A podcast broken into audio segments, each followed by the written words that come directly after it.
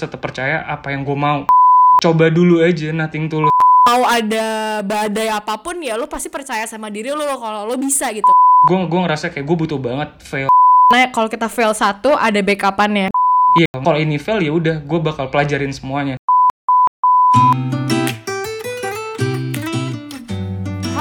semuanya, kembali lagi di Cerita Cece Jadi di episode kali ini gue nggak sendiri nih Gue ditemenin teman lama gue yang dulu kita pas di London Sama-sama kuliah bareng Terus dia balik ke Jakarta habis lulus dan menurut gue teman gue satu ini punya cerita yang menarik dan inspiratif buat kita semua. Semoga cerita kita bermanfaat di sini. Langsung aja Noval Nabila, bos Monarki Group. Apa Halo. kabar Pak? halo semua jangan bos lah anjir gue masih pedagang kecil-kecilan Apa dong? novel aja lah bos Apa ya kabar, apa kali, kabar? bos. baik baik apa kabar Ray? Baik-baik gue gimana hidup di Jakarta? ya lagi pandemi kayak gini semuanya kayak lagi struggle deh Iya gak sih lu Iya gimana sih. di London kayak enak gue banget di- sih kayak gue gue pengen gue pengen gue pengen balik lagi sih ke sana di sini pusing sih cuy. Di sini lumayan di sini ya lockdown gitu Val. Kayak sepi lah. Cuma kayak gue kerja selalu di rumah kan dari tahun lalu. Tapi ya mau gimana kan lagi kayak gini semua juga lagi susah. Anyway em, yang dengerin kita hari ini kita ini pokoknya online. Novel di Jakarta gue di London. Terus ini eh, lewat FaceTimean gitu halo Eh Val, by the way sebelum kita mulai, Ah, sebelum gimana, kita mulai ceritain dulu dong, ceritain dulu dong background lo nih karena pendengar gue em, teman-teman cerita Cece kan belum kenal em, lu siapa, lu, lu ngapain. Oke, eh, halo semua. Nama gue Noval. Eh, gue dulu temennya Cece selama empat tahun di London. Wih. Dari dari kita apa cek? Pas masih remaja ya. Eh, Iya pas masih hai hidupnya. parah sih. Kayak ya gue di gue dulu di London gue ngambil eh, jurusan global business management. Terus kayak eh, gue kuliah di Coventry London campus. Terus ya gue tiba-tiba kayak ketemu aja sama Raihan. Terus habis itu jadi temen selama empat tahun bukan temen sih tapi kayak gue udah anggap dia sebagai keluarga ah Ah, ini kayak brother gue. Terus abis lulus lu ngapain Val? Ya gue habis lulus, eh, gue coba eh, kayak memulai karir gue sendiri, kayak coba bisnis kecil-kecilan lah. Eh, awalnya sebetulnya kayak gue masih bingung gitu dulu pas lagi eh, selesai dari London yang kayak gue mau kerja apa, terus habis itu yang kayak gue mau ngelamar di mana, tapi kayak kalau dari gue sendiri sih gue mikir emang dari dulu emang gue gue nggak tahu passion gue apa jujur gue nggak tahu passionnya apa tapi kayak gue lebih emang emang menurut gue kayak emang eh, gue lebih cocok di bisnis aja. Jadi menurut gue nggak perlu kayak gue tahu passionnya apa tapi kayak menurut gue apa pun yang gue bisnisin ya passion gue tuh bisnis gitu loh yang kayak walaupun itu, itu apa pun ngerti gak sih? Mau di industri apa pun ya passion gue di bisnis. Dan gue gue gue tertarik untuk ngelakuin itu semua. Gitu. Terus itu ya gue bikin bisnis kecil-kecilan aja Ray. Oke, jadi guys tadi Noval bilang bisnis dia kecil-kecilan, tapi menurut gue jadi Noval ini punya Monarki Group em, satu gedung di di Senopati ya, Val. Di- iya, Senopati, Cika- eh, jalan, Cikajang. Di Jalan Cikajang. Jadi teman gue yang satu ini dia tuh punya bisnis satu gedung namanya Monarki yang tadi gue bilang ada tempat potong rambut, um, splatter cut, ada chicken wings, the buffalo dan satu lagi ada tempat olahraga namanya elbow box. Nih. Dan Val lo tau gak sih, lo tuh guest guest pertama gue lo di sini. makanya gue gue deg gue deg-degan banget tenang tenang tenang tenang jujur Val gue tuh ngundang lo tuh eh, karena gue tuh penasaran gitu loh sama cerita lo Eh, gue ngeliat lo pas zaman zaman kita dulu kuliah kayak gue tau lah kita dulu kayak merantau sama-sama merantau sama-sama bingung nggak tahu mau ngapain habis kuliah.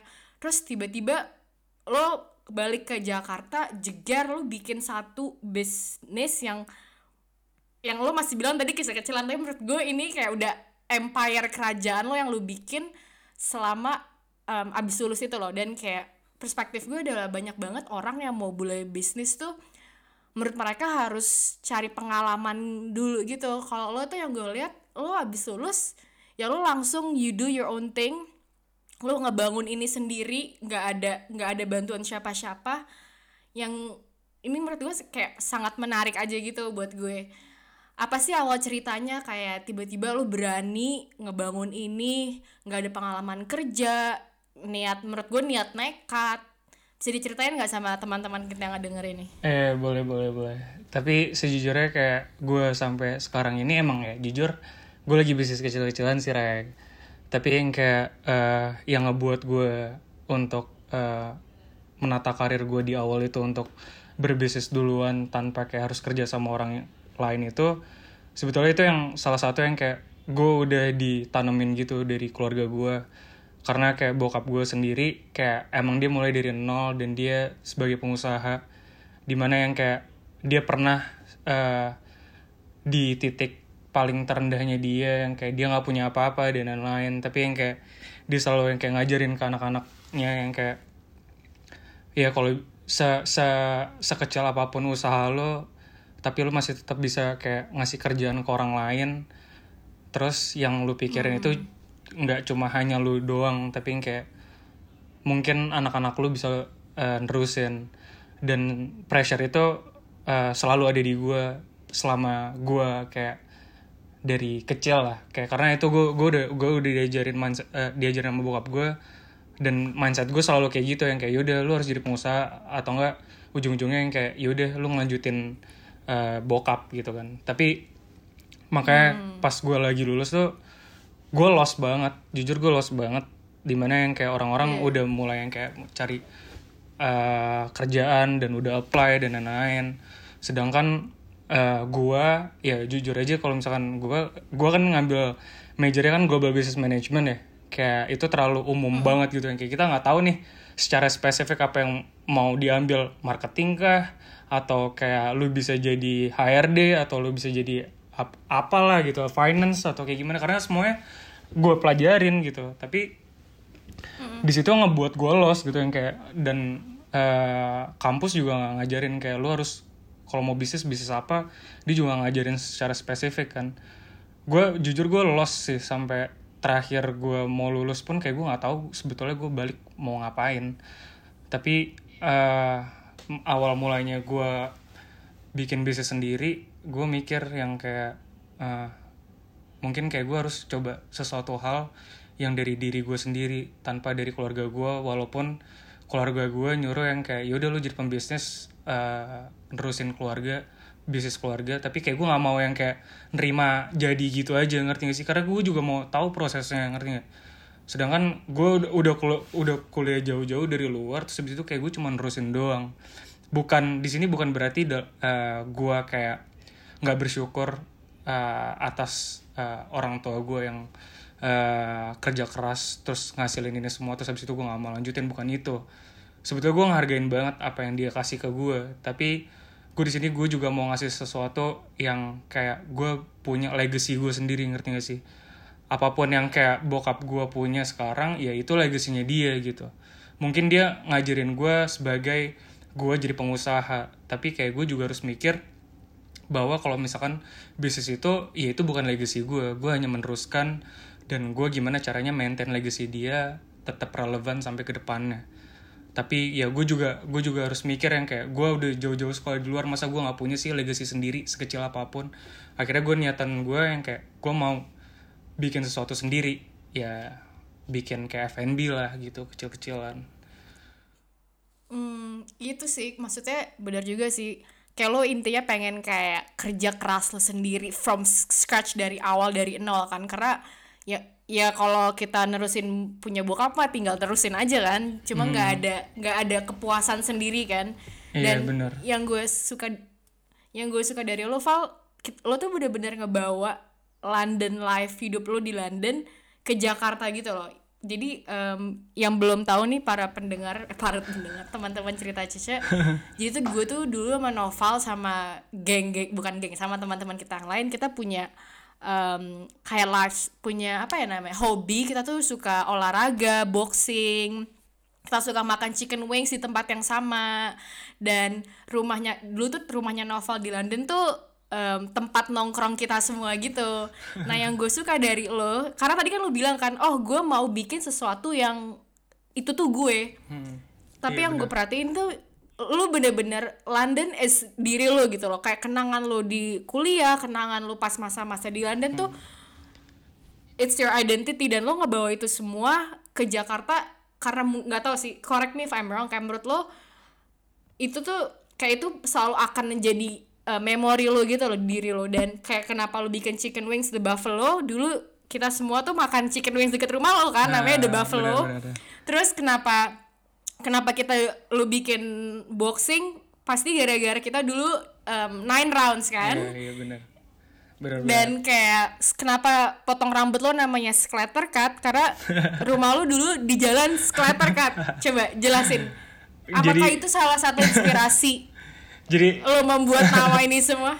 Jadi ya jujur kayak namanya bisnis idea yang kayak kita nggak ada yang tahu kan kayak kita mau bikin apa. Terus gue juga nggak nggak masih nggak punya yang kayak gue hobi gue apa sih sebenarnya. Terus gue mikir eh, apa ya yang di London bisa gue bawa ke Jakarta tapi yang kayak nggak perlu harus eh, budget gede-gede banget gitu. Gue awalnya sebetulnya gue cuma mau uh, bikin si chicken wings itu doang Ray. Kayak mau bikin si buffalo. Karena lo tahu sendiri kan dulu gue suka banget sama buffalo. Terus itu kayak gue Iya. gue selalu bikin kayak wings. Setiap kalau misalkan kita ada party di rumah siapa gitu kayak kadang di rumah gue kadang di rumah Katya. Terus habis itu ya gue coba itulah yang kayak mungkin mungkin ya gue gue ngerasa gue orang Indonesia ya. Jadi gue ngerasa oh lidah gue aja cocok. Masa lidah orang lain nggak cocok gitu. Jadi gue bawa ke gue bawa ke Jakarta gue bikin dan pas pas lagi di London pun gue juga selalu nyoba ngebuat si eh, sausnya itu sendiri kan. Terus habis itu gue bawa ke Jakarta. Ya gue gue niatan gue yaudahlah buka eh, bisnis kecil-kecilan dulu. Ini apa yang gue tahu dan apa yang sering gue lihat tiap hari gitu ini ini sesuatu sesuatu yang bisa dijual. Dan yang dijual itu adalah bisnis kan. Jadi sebetulnya apa pun itu bisa dibisnisin gitu. Ter- tapi tergantung lo yang kayak lo mau bawa bisnis ini ke mana apakah bisnis itu cuma ada di situ doang apakah lo mau ngembangin itu bisa jadi gede gitu. Apa pun bisa dibisnisin menurut gua gitu. Air putih aja orang orang yang punya air putih aja bisa jadi tajir mampus ngerti gak sih? Emang dia emang di- emang dia ngeracik air putih kayak gimana? Enggak kan? Tapi menurut susahnya apa sih Val ngebangun bisnis? Kayak s- maksudnya you, lo muda nih lo start umur ya 20-an lah ya 22 21 kayak dan lo nggak punya pengalaman apa sih susahnya ngebangun bisnis sendiri? Eh, sebetulnya kalau gue sih jujur awal pertama kali bikin bisnis itu seru banget. Seru banget bener-bener seru banget yang kayak idealis lo tuh ada banget gitu. Yang kayak lo ah gue mau bikin kayak gini kayak tem eh, apa tuh namanya? Gue tahu target market gue kayak gimana. Pas proses itu emang seru banget gitu. Tapi ternyata eh, proses itu adalah hal proses paling terkecil pas lo menjalankan bisnis. Setelah lu udah udah ngebuat plan itu semua ternyata ada banyak banget kayak challenge challenge yang kayak lu nggak pernah tahu gitu. Kayak menurut gua yang paling yang paling susahnya itu adalah yang kayak lu pas running the business. Karena lu ngejalanin bisnis itu bukan hanya dengan diri lu doang tapi lu juga menjalankan itu dengan orang-orang lain seperti kayak lu punya karyawan, lu punya orang-orang yang kayak lu percaya dan lain-lain, Eh, tukang masak lah dan lain-lain. Kan itu juga lu harus, lu juga kita nggak pernah belajar tentang untuk mengerti orang secara personal ngerti nggak di kuliah. iya Kita yang kita tahu hanya teori. Mungkin di awal makanya gue bilang proses untuk awal tuh gampang banget gitu ya. Oke kita marketing kita marketing plan kita apa, bisnis plan kita apa. Yaudah kita semua kita ikutin secara plan, secara teori. Tapi ternyata selama kita menjalankan bisnis itu ternyata nggak ada teori yang kita nggak pelajarin pas lagi di kuliah ngerti gak sih? Seperti yang kayak ya gue bilang sama lo karena di Indonesia beda lagi gitu. Kita ketemu orang yang berbeda, culture-nya beda, ketemu SDM yang beda. Jadi kayak kita kita belajar belajar sendirilah di lapangan untuk eh, mengerti mereka pendekatan pendekatan secara lapangan ketemu mereka terus apa yang mereka mau dan itu banyak banget menurut gue itu nggak seberapanya untuk ngebangun bisnis di awal menurut gue itu sih yang susah menurut gue untuk kayak lu bisa harus maintain ini bisnis gimana caranya kayak lu tetap bisa uh, Konsisten. konsisten dengan kayak karyawan Iya. lo dan lain-lain itu menurut gue yang paling Hmm. susah gue setuju banget sih karena menurut gue juga em, apa namanya untuk mulai bisnis tuh gampang banget. Lu mulai mulai aja. Siapa pun bisa mulai bisnis kalau ada kemauan ada ada modal gitu loh. Cuma yang tadi lu bilang kayak untuk uh, to keep em, untuk kayak menjalankannya gimana you stay on top of the game daripada yang lain tuh sangat susah. Karena ya tadi lu bilang karena ada ada masalah yang bakal muncul di tengah yang tiba-tiba jeger. Aduh gue harus gimana nih? Gue nggak pernah ngadepin masalah ini kan? Bener tapi bener lo pernah gak sih kayak kayak ngalamin kayak titik terendah pas lo lagi ngebangun ini kayak anjir susah banget nih. Udah deh gue give up aja gue kayak udahlah gue kerja apply kerja. Kayak gimana cara ngat- ngatasin kayak gue pernah sih. Iya gue gue gue gue pernah titik ba- terendah iya, itu. pernah banget lah. Kayak setelah iya namanya namanya ngejalanin bisnis eh, pasti nggak semuanya selancar apa yang lo eh, impikan kan. Ngerti gak sih? Jadi kayak makanya sebetulnya ada cerita sih kayak kenapa gue ngebangun orang-orang gue gue belum mungkin tem kayak mes, eh, pendengar lu cek nih. Pendengar, pendengar Cece mungkin nggak ada yang tahu. Sebetulnya kalau misalkan lu tahu gue gue emang rada kayak aneh gitu sih ngebangun bisnisnya ini gitu. Jadi gue ngebangun ngebangun bisnis ini tuh secara serentak dan gue bikin bisnis tiga bisnis ini at the same time. Kenapa gue mikir kayak gitu? Karena gue tahu apa pun yang kita mau eh, apa pun yang kita impikan belum tentu sejalan apa yang kita mau. Pasti harus Iya. kita harus harus mempunyai plan B plan C plan D kalau perlu sampai plan Z ngerti gak sih kita punya. Ya gue di situ gue mikir gue ada opportunity gue dapet tempat. Tempat itu pertama emang eh, ide bisnis gue awal adalah si Buffalo Wings itu. Tapi gue mikir oke gue di sini gue nggak punya pengalaman apa apa gue gua gua gua nggak tahu cara berbisnis di sini di Jakarta terutama yang kayak gue nggak tahu marketnya seperti apa apakah mereka menerima eh, produk gue dan lain-lain. Dan di situ gue mikir oke gue turunin ego gue di mana yang kayak gue mikir oke kayaknya gue nggak bisa sih all out semuanya yang kayak uh, semuanya ini gue jadiin buffalo wings gitu. Bisa aja gue bikin buffalo wings semuanya tapi kayak gue mikir gue harus tetap namanya manusia kalau kalau pendirian gue adalah apa pun yang kita jalanin kita harus siap mempersiapkan kayak plan uh, al- alternatif plan B plan C gitu. Dan setelah gue gua gue punya prinsip itu dan prinsip gue ternyata uh, bener buat gue gitu yang kayak namanya bisnis nggak ada yang berjalan uh, secara lancar lah. Makanya gue bikin waktu itu gue bikin Buffalo terus habis itu tiba-tiba kayak gue uh, kepikiran dua bisnis lain uh, yang mungkin bisa uh, berbarengan di tempat yang sama yang mungkin gue mikir kalau misalkan Buffalo itu nggak berjalan dengan uh, yang gue mau masih ada plan B dan plan Ada C yang backup. bisa ya bisa ngecover itu semua. Jadi gue bikin bikin tiga bisnis ini at the same time. Tapi ya ya tempatnya emang gak gede-gede banget maksud gue tapi gue mikir uh, tiga bisnis ini adalah uh, simbiosis mutualisme ngerti gak sih? Kayak di mana Iya, di mana kita ngetes market. Kalau misalkan oke F&B gue uh, bagus lancar ya udah lo uh, bagus dengan lo profitable tapi mungkin uh, bisnis uh, plan B gue plan C gue nggak nggak sejalan apa yang gue mau ya kita subsidi silang ngerti gak sih? Dan itu terjadi cek sumpah itu terjadi banget.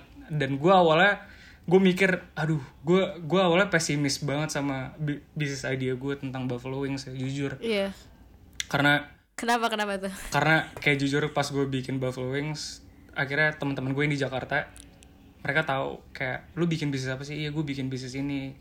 Eh, Buffalo Wings. Sedangkan Buffalo Wings itu jarang banget ngerti gak sih orang makan Buffalo Wings yang kayak ngerti gak sih? Kita nggak punya Iya. culture kita nggak punya culture makan yang kayak asem ngerti gak sih? Asem. Makan dan- ayam iya, iya, kan? iya, mendingan mendingan makan yang ada matchingnya dan lain-lain. Tapi gue gue gue sempet di mana yang kayak eh, bisnis gue tuh udah mau buka nih.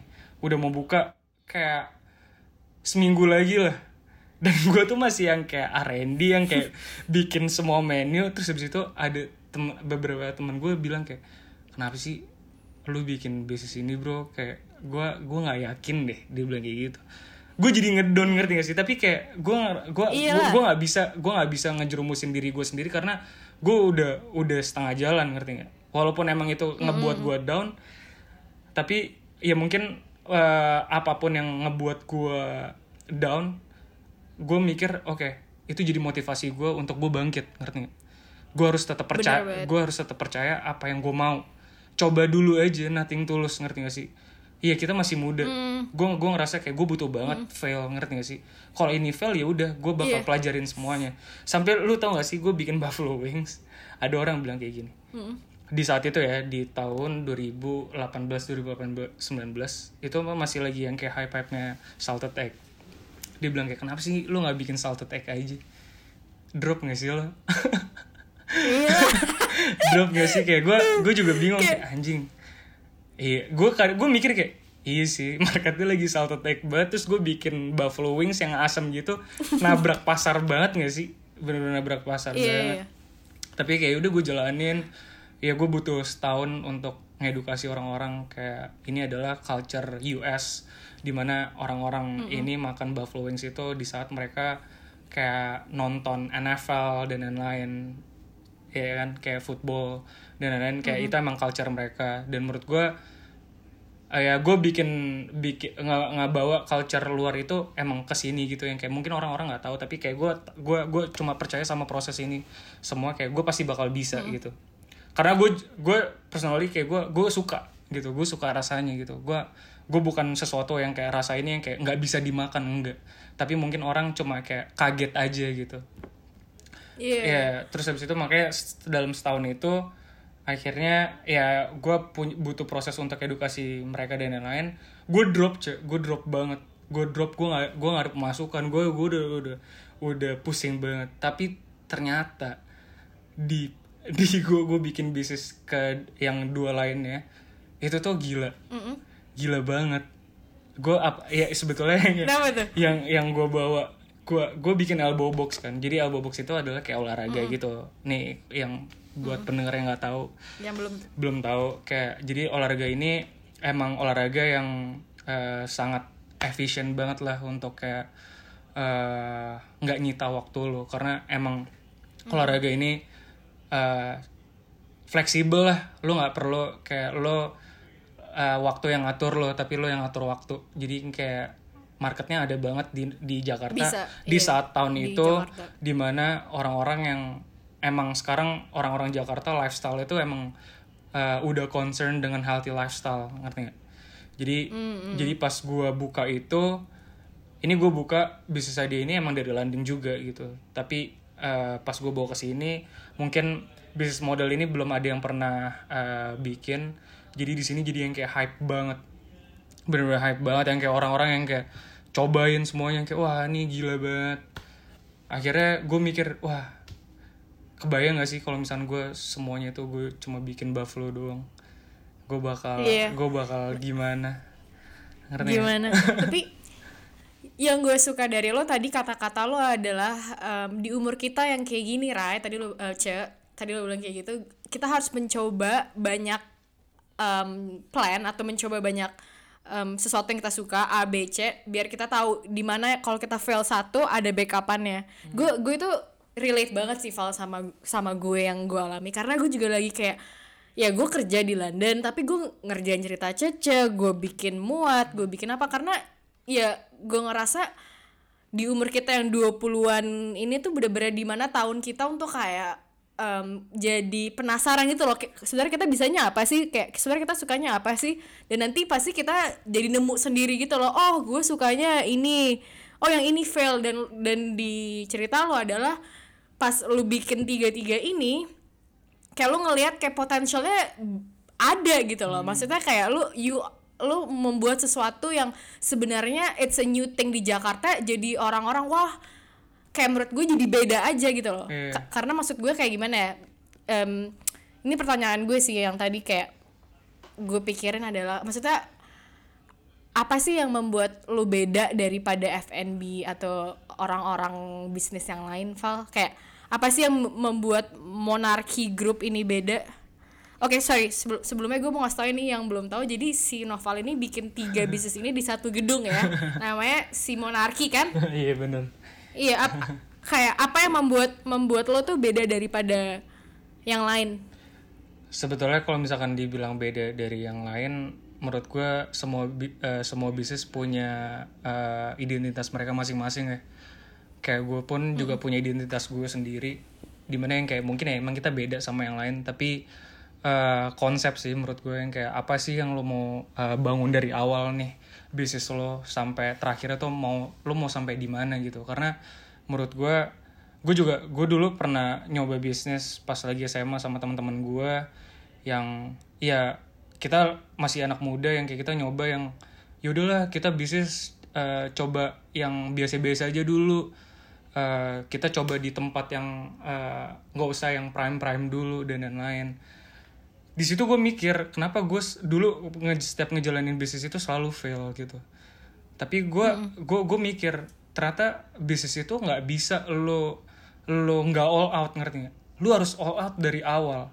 Lu harus all out dari, dari awal di mana mungkin lo ngerasa yang kayak lu masih pesimis sama diri lu ah enggak lah gue masih gue masih baru di dunia bisnis ini. Eh, mungkin kayak gue di pinggiran dulu atau enggak yang kayak gue buka yang biasa-biasa dulu. Menurut gue itu salah karena menurut gue itu yang ngebuat lo ya udah sebetulnya lo ngebuat bisnis itu lo cuma bunuh diri ngerti nggak? Menurut Iya, gue lo bikin bisnis dari awal lo harus all out lo harus bikin planning itu semua lo mau sampai mana gitu. Apa pun opportunity apa pun uh, opportunity yang besar itu mungkin lo bisa dapatkan ya lo harus plan itu semua ngerti nggak? Misalkan kayak uh, orang mau bikin bisnis oke kita cari di mana target market yang paling pas yang paling ramai. Walaupun pas kita tahu tempat yang paling prime itu adalah hal- uh, harga yang paling mahal. Tapi kita harus mikir perbandingan antara lu uh, untuk ngeplan bisnis itu di tempat yang mahal mungkin lu nggak bisa bayar ke depannya antara lu ngebikin bisnis di tempat sesuatu yang kayak emang nggak ada marketnya. Menurut gue sebagai pembisnis sebagai kayak ya gue belajar dari eh, banyak lah yang kayak maksudnya yang kayak udah jadi entrepreneur yang kayak ya lu harus punya jiwa bisnis yang kayak lu harus gambling gitu. Di mana di situ ada opportunity di situ lu harus lu ambil. Walaupun emang emang itu eh, value-nya gede tapi lu harus punya hitung-hitungan di mana kalau misalkan emang di situ emang ada marketnya dan lu tahu itu bakal balik modal ya lu harus buka di situ ngerti nggak? Tapi lu jangan lu, lu jangan nge- ngebuat diri lu itu kecil lu baru mulai terus habis itu lu ngebuat itu semuanya yaudah kita biasa-biasa aja dulu. Menurut gue itu bunuh diri dan itu gue udah pernah lakuin gitu. Gue mau bikin bisnis kecil apa pun ya emang kalau misalkan kalau misalkan emang gak ada target marketnya lu mau ngapain gitu. Ibaratnya lu mau lu mau nyari pengalaman dari mana karena lu udah tahu di situ nggak ada marketnya. Jadi kalau misalkan lu mau jadi pembisnis menurut gue ya lu harus all out dari awal gitu. Lu harus punya gambling dan lu punya mental. Menurut gue yang paling utama itu adalah mental sih kalau misalkan lu Mental. iya makanya kalau misalkan lu emang nggak punya mental bukannya kayak ya semua orang beda-beda untuk proses untuk lu punya mental dan lain-lain. Tapi menurut gue mental itu hal yang paling utama untuk di dalam melakukan berbisnis sih. Nah tadi itu menarik banget sih Val. Karena gue I agree gue bener-bener kayak setuju banget. Tadi lo ngomong lo harus all out. Karena gue yang gue perhatiin banyak banget banyak banget bisnis di Indo yang kayak setengah-setengah gitu loh kayak niat nggak niat terus tiba-tiba mati di jalan dan karena menurut gue ya ya itu tadi kata lo kayak karena mereka nggak all out karena ya udah asal mulai cuma kayak mereka nggak tahu nih plan ke depannya gimana jadi bagi para pendengar yang mau buat bisnis jangan lupa untuk all out kata Bapak Noval. Tapi, iya, oh ya iya. dari tiga, hmm? iya gimana kenapa? nggak lu duluan gimana kenapa Dari dari tiga bisnis lo ini nih uh, The Buffalo yang chicken wings, clatter cut yang potong rambut dan olahraga elbow box, lo paling suka yang mana sih? Kayak favorit lo ada nggak? Nah, sebetulnya ya of course kalau misalkan The Buffalo itu kayak my first uh, business idea yang kayak itu udah udah udah ke plan sebelum sebelum sebelum gue balik ke Jakarta dan gue juga nggak expect kalau misalkan gue bakal buka itu. Tapi ketiga-tiganya adalah uh, bisnis bisnis uh, ketiga bisnis yang berbeda ini itu adalah hal hal yang emang gue lakuin dan gue gue selalu nge-observe bisnis itu pas gue di saat gue di London. Gue tahu semuanya. Hmm. dan gue dan gue nggak hanya se- serta mata untuk kayak bawa bisnis itu bisnis Adia itu dari London ke Jakarta gitu aja dengan bisnis modal yang dia punya enggak. Tapi gue menempatkan pas di London gue sebagai customer apa sih ke- kekurangan apa yang gue nggak suka dari gue untuk masuk misalkan ke barber itu yang menurut gue itu adalah contoh dan olahraga itu yang gue jadi contoh. Ya pas ketika gue ngebangun bisnis itu gue bener-bener ngebangun itu ngerasain sebagai pengalaman gue sebagai klien apa yang gue mau apa yang gue butuhin. Hmm. apa yang gue nggak dapetin gitu. Bukan hanya uh, ide bisnisnya doang tapi gue melengkapi gue lebih melengkapi dan gue menginovasi apa apa yang ada di London ngerti gak sih Iya, iya. Itu berarti intinya you're not just sell, lu bukan cuma ngejual service tapi experience juga ya. Kayak dari Iya. awal um, customer itu masuk ke gedung lo, monarki gedung lo ini uh, terus pokoknya lu udah udah plan lah harus apa nih experience-nya Iya. uh, mereka harus gimana kayak gitu kan. Bener Tadi gue baru teman gue baru WhatsApp gue, "Ceng ngapain hari ini?" "Iya nih gue mau podcast sama Noval." "Oh, itu yang Buffalo ya." Bilangin, "Cek gue cinta Buffalo." Tuh. Menurut gue udah you. kayak jadi semua orang yang ntar em, sekalian promosi nih Val ya, ntar gue akan apa mention Buffalo juga jadi yang belum coba datang ke Monarki eh, Group di Jalan Cikajang. Terus oh ya gue mau tanya nih, kenapa namanya Monarki Group Val? Jadi Eh, uh, sorry, Monarki. monarki grup itu sebetulnya plesetan dari uh, monarch monarki.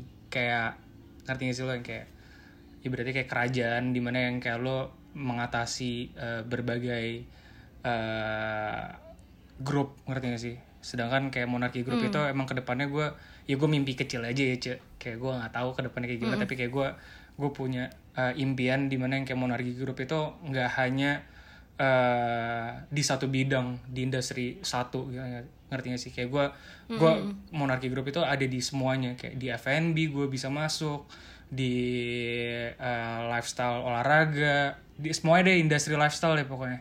Kayak gue bisa gue bi- bisa dimasukin industri apa aja. Kayak mungkin kita nggak ada yang tahu. Kayak gue mungkin aja bisa ke media atau apa. Kayak kita nggak ada yang tahu kan. Tapi makanya gue bikin monarki Group- Mo- Monar- monarki group itu sebagai grup yang mengatasi semua bisnis bisnis gue ini gitu walaupun ini kecil ya ini berandai ini impian aja mimpi aja dulu setinggi tingginya biar jatuh Jadi sakit intinya ya nggak ke sih? depannya nggak apa-apa, gue gue setuju banget mimpi lah setinggi tingginya. Iya. Jadi intinya kita bakal ngelihat banyak hal dari Monarki Group ya ke depannya ya, bukan cuma chicken Amin, wings, eh, amin, potong rambut amin, dan amin. gue doain Val semoga Amin, tambah amin, makin-makin gede ya bisnisnya. makanya mimpi Terus aja dulu setinggi em, selama pandemi susahnya apa sih em, ngejalanin bisnis di Jakarta? Obviously kan ada lockdown, kayak apa yang how do you handle that? Kayak gimana cara lo menghandle situasi ini? pertama yang gue pikirin adalah satu eh, yaitu kayak eh, orang-orang yang kerja sama gue sih jujur kayak staff-staff gue terus habis itu yang kayak karyawan ya karyawan-karyawan gue lah yang emang dia ada semenjak kayak monarki ada gitu. Tapi dengan kondisi seperti ini gue dengan kayak eh, hati yang sangat gimana ya kayak gue sedih sih sebetulnya pas lagi kok pertama-tama corona itu. Apalagi kan gue juga bikin olahraga di mana yang kayak gue harus eh, kayak merumahkan mereka awalnya. Merumahkan mereka yang kayak mereka nggak bisa kerja dan mereka eh, kehilangan pekerjaan itu. Ya sebetulnya gue juga bingung di saat itu di mana yang kayak di sini gue masih baru dan gue gua butuh pemasukan di mana gimana caranya gue masih ngegaji mereka. Jadi sebetulnya yang berat itu adalah gue melepaskan orang-orang yang eh, gimana ya ngebangun monarki dari awal lah. Kayak misalkan elbow box Eh, oke. dan lain-lain kayak sebetulnya yang paling sakit tuh melepaskan orang-orang ini yang mungkin mereka juga punya motivasi yang sama sama gue dan eh, tujuan yang sama sama gue untuk menjadi eh, monarki yang lebih baik, lebih bagus dan lebih sukses. Kayak Buffalo, Splatter Cut, Elbow Box. Dan gue ngelewatin itu semua di mana yang gue harus ngambil keputusan yang sebetulnya gue nggak mau gitu. Hmm. itu yang paling suka berat sih. karena lo tuh bener-bener nunjukin empathy apa so- em, sisi empathy which is menurut gue untuk jadi pembisnis jadi leader tuh nggak cukup nggak cukup pinter nggak cukup mental kuat cuma harus ada empathy-nya juga. Dan lo tuh punya itu gitu loh Val yang gue ngeliat. Kayak gimana lo nggak kayak nggak mikirin diri lo doang nggak mikirin bisnis lo doang tapi lo bener-bener mikirin orang-orang yang kerja sama lo. Dan menurut gue itu sangat penting. Kayak karena di balik bisnis lo pasti ada orang-orang yang nge-support lo itu kan? Iya. Dan dan gak banyak i- karena nggak banyak menurut gue ya karena nggak banyak orang yang mikirin employee-nya termasuk gue. Menurut gue kayak gue jadi curcol nih kayak itu penting banget sih. Jadi untuk kalian yang mau jadi bos-bos ke depannya jangan jangan pernah lupain orang-orang di belakang lo. Karena pasti bisnis lo tuh sukses gara-gara orang di belakang lo ya gak sih? Iya, makanya menurut gue ya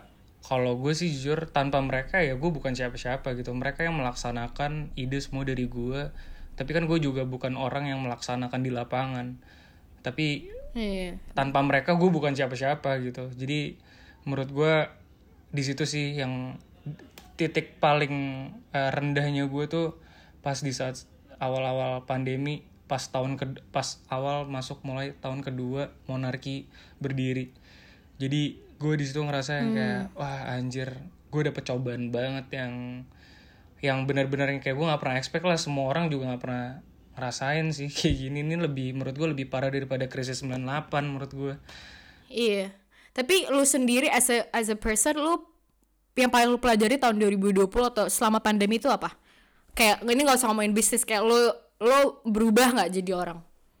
gue gue ya gue jujur berubah lah selama setahun gue pasti berubah. Gue gue lebih eh, gimana ya pemikiran gue bukan hanya ya gimana ya 2020 menurut gue itu turning point gue di mana yang kayak lu menjalankan hidup itu kalau gue ya kalau gue semenjak gara-gara ya emang kita nggak ngomongin bisnis tapi sebetulnya ini rada eh, ada sangkut pautnya sama bisnis dan ngebuat gue jadi yang berbeda di tahun 2020 di mana eh, ego gue itu diturunin ngerti gak sih? Gimana caranya gue Iya. gue harus bisa berpikir eh, bukan hanya gue doang yang hidup di dunia ngerti gak sih? Yang kayak gue harus mikirin orang lain gue belajar ngertiin orang lain gue harus memikirkan eh, apa namanya sifat orang yang berbeda-beda dan kemauan orang berbeda-beda. Kayak seperti karyawan-karyawan gue yang kayak eh, gue nggak tahu eh, kebutuhan mereka seperti apa. Jadi gue mikir oh ternyata di dunia itu lo hidup bukan sendiri gitu. Lo harus mikirin orang lain. Semakin lo tinggi semakin bukan lo hidup sendiri tapi semakin lo memikirkan orang lain.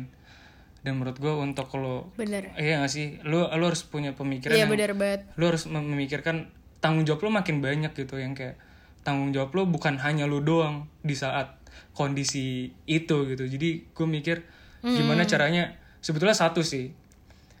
Selama gue ngebangun bisnis itu gue mencari diri gue gimana sih kapan gue bisa bijak untuk kayak uh, menghadapi semua situasi. Karena bijak itu hal yang paling sulit menurut gue untuk lo bisa kasih itu ke orang lain. Gitu. Jadi lu udah bijak belum nih sekarang? gue masih gue jujur gue masih belum bi- bisa, bisa belum dibilang bijak tapi apa yang gue mau lakuin gimana caranya gue harus bisa bijak sama orang lain. Harus bisa nurunin ego gue ngerti gak sih lo? Kayak uh, Iya. di saat lo lagi emosi dan lain-lain lo harus bisa nurunin ego lo yang nggak penting sebetulnya. Lo harus bisa yang kayak ngambil solusi gitu bukan yang kayak nyari masalah. Itu yang paling susah sih menurut gue itu ya menurut gue makanya sebetulnya perbedaan itu cek yang yang gue bilang kadang orang selalu bilang oh lo eh, lo enak bikin bisnis sendiri. Gue masih kerja sama orang lain. Sebetulnya permasalahan kita sama gitu. Permasalahan lo Iya, iya. Iya gak sih? Kalau kalau gue sih gue selalu bilang kayak gitu yang selalu teman-teman gue yang bilang sama gue yang kayak lu enak lu di bisnis sendiri lu bisa lu bisa ke mana aja lu bisa tinggal enggak gitu. Gue gue harus gue harus manage eh, waktu gue sendiri tanpa harus di manage orang lain.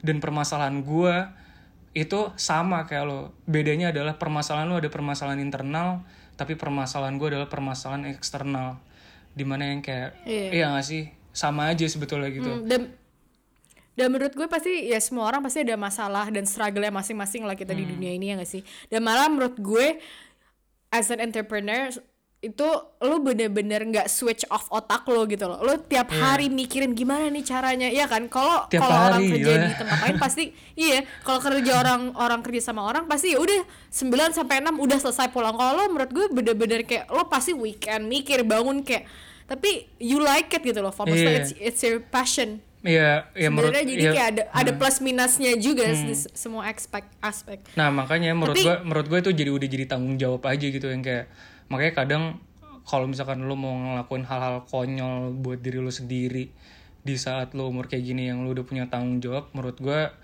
itu lo bunuh diri sih menurut gue gitu kayak Iya. makanya makanya sebetulnya gue suka banget kayak berbisnis ngebuat gue jadi dewasa dan gue bisa memikirkan lo harus bertanggung jawab. Karena lo masih ada orang-orang di bawah lo yang lo harus pikirin tanpa hal-hal kebodohan lo yang lo harus lakuin. Gitu sih menurut gue anyway kita ngobrol udah berapa lama nih Val gue masih mau nanya-nanya terus nih coba. Udah berapa menit di di itu loh? Gue nggak 40 bisa menit. lihat lagi. Ya udah. Em, oh ya Val ini pertanyaan lagi nih. Menurut lo menurut lo lo udah sukses belum? Gue jauh dari kata sukses woi. Sama sekali gue jauh dari kata sukses sumpah. Nggak ada. Ah, gue gue nggak tahu gue sebetulnya gue nggak tahu sih. Iya eh, balik lagi sih Ray. Sukses itu yang menentukan diri lu sendiri ngerti gak sih? Apa yang apa yang mau beli- bilang Bener, sukses? Iya gak sih? Apa yang lo mau bilang sukses gitu? Apakah lu sukses eh, dalam menjalankan kayak lu berkeluarga menurut lu bahagia dan lain-lain itu hal yang sukses ya itu sukses gitu. Lu mau kerja sama orang tapi lu ngerasa lu diri lu bahagia dan lu ngerasa itu sukses ya itu sukses gitu. Balik lagi kayak ya semua pilihan gitu kayak lo ya sama aja yang kayak lo mau jadi pembisnis atau lo mau kerja sama orang bukan berarti kita sama-sama ber- eh, antara dua pilihan itu merendahkan satu sama lain enggak. Tapi itu pilihan ngerti gak sih? Pilihan apa yang lo mau apa Iya. yang apa yang lo ngerasa kayak eh, yakin sama diri lo sendiri. Ada plus minusnya lah ngerti gak sih? Gue setuju banget. Tadi lu bilang sukses itu beda-beda. Menurut mungkin menurut satu orang A buat keluarga itu sukses mereka belum tentu buat kita having a family right now it's a success ya kan? Iya. jadi tadi jadi inget eh, yang ngedengerin gue eh yang dengerin gue yang dengerin cerita Cece jangan pernah ngelihat kayak ah si itu udah sukses si itu udah sukses yang ini udah sukses. Karena kita semua punya definisi kesuksesan yang berbeda-beda benar ya. banget. Makanya kayak Terus nih. ah, gimana? Kenapa kenapa? Enggak gimana gimana gimana? Gue mau nanya nih jadi pas gue ngajak lo untuk podcast nih Mm-mm. lo bilang gini Val cek tapi gue bukan influencer nih.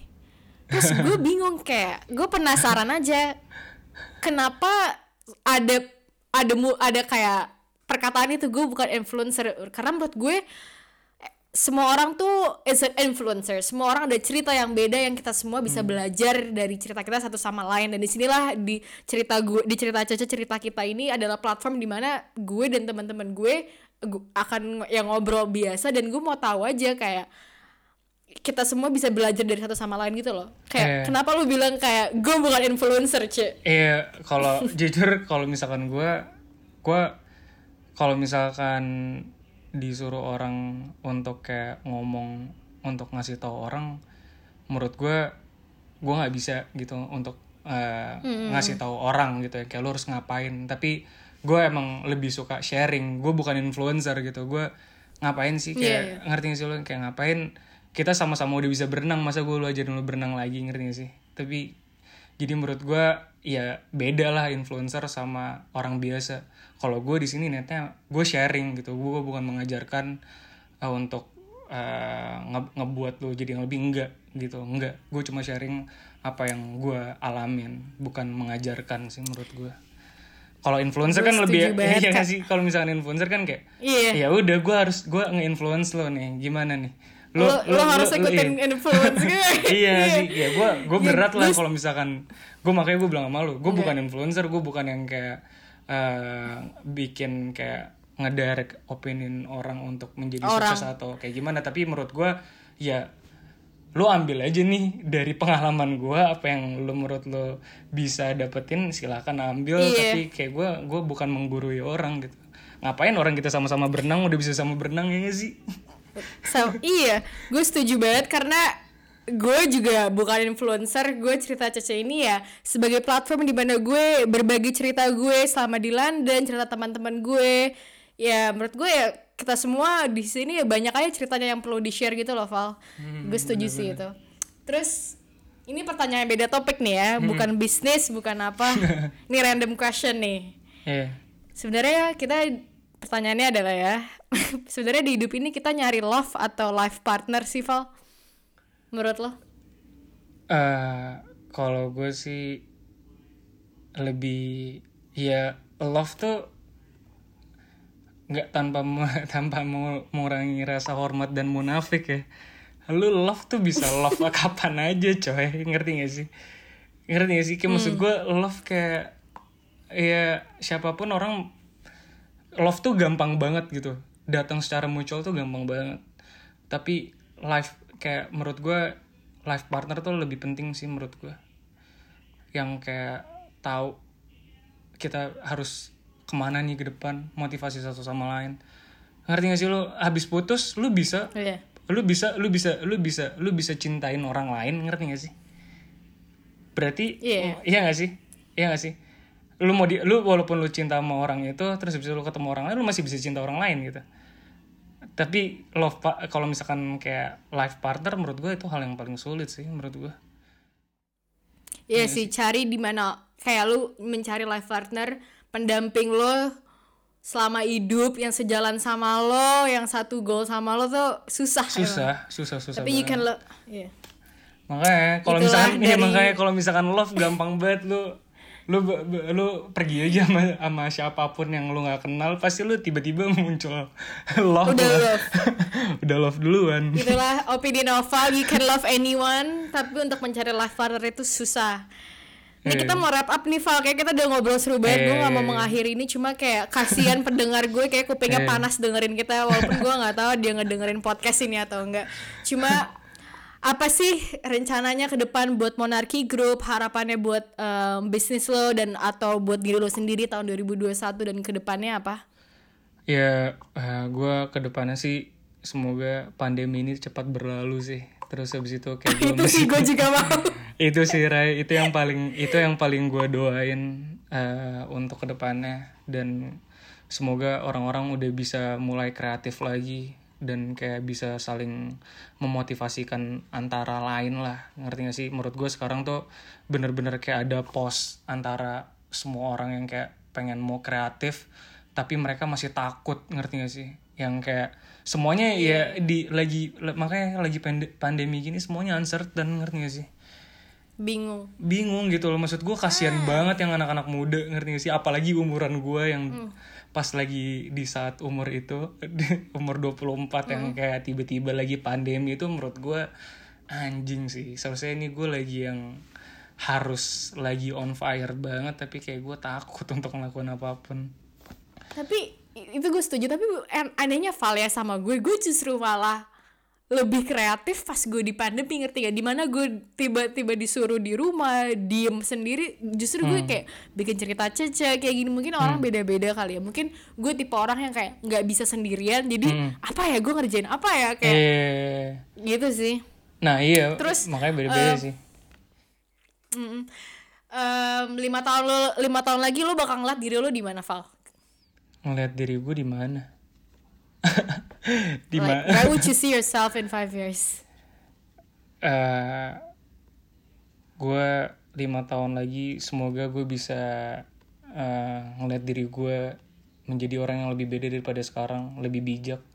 Terus eh Aisyah, amin. ya sih susah banget woi. Maksud gue ya semoga gue bisa gue nggak tahu sih gue gue yang penting sekarang gue menjalankan apa pun yang gue lakuin secara komit menurut gue apa pun yang ada di depan bakal terjadi dengan begitunya sendiri sih gue gua nggak mengharapkan yang terlalu tinggi tinggi banget jadi kayak gue selalu menjalankan apa yang Wah, gue gue jalanin suka sekarang Nice. Nih, gue banyak gue belajar banyak banget nih Val dari um, obrolan kita. Satu adalah pentingnya kerjain apa yang lo suka. Dari awal tuh gue ngeliat lo kayak lo udah tahu lo suka ini ini your London life gitu loh. Maksudnya chicken wings semuanya. Dan kayak you you you stay true to yourself walaupun tadi teman-teman lo bilang lo ngapain sih kayak buat chicken wings? Tapi lo tetap kayak gue yakin gue bisa. Ini kayak you know kayak Iya. karena karena lo kerjainnya dari hati lo. Dan kayak pada saat kita kerjainnya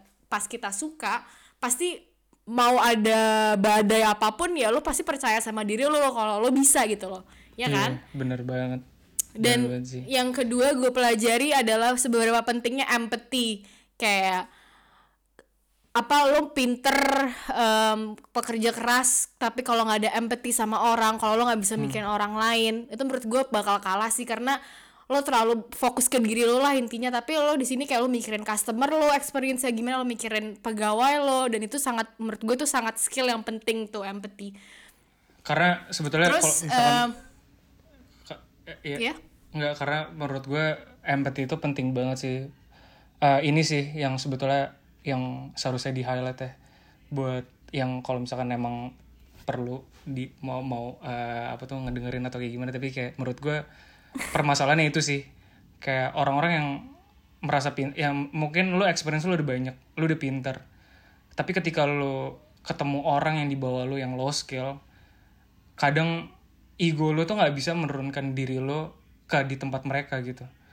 Dan menurut gua orang yang pinter itu seharusnya bisa yang mungkin lu punya gue tau lah lu pinter lu tahu ide lu bagus. Tapi kan belum tentu semuanya ide lu itu bisa diterima sama orang-orang di bawah ini ngerti gak sih?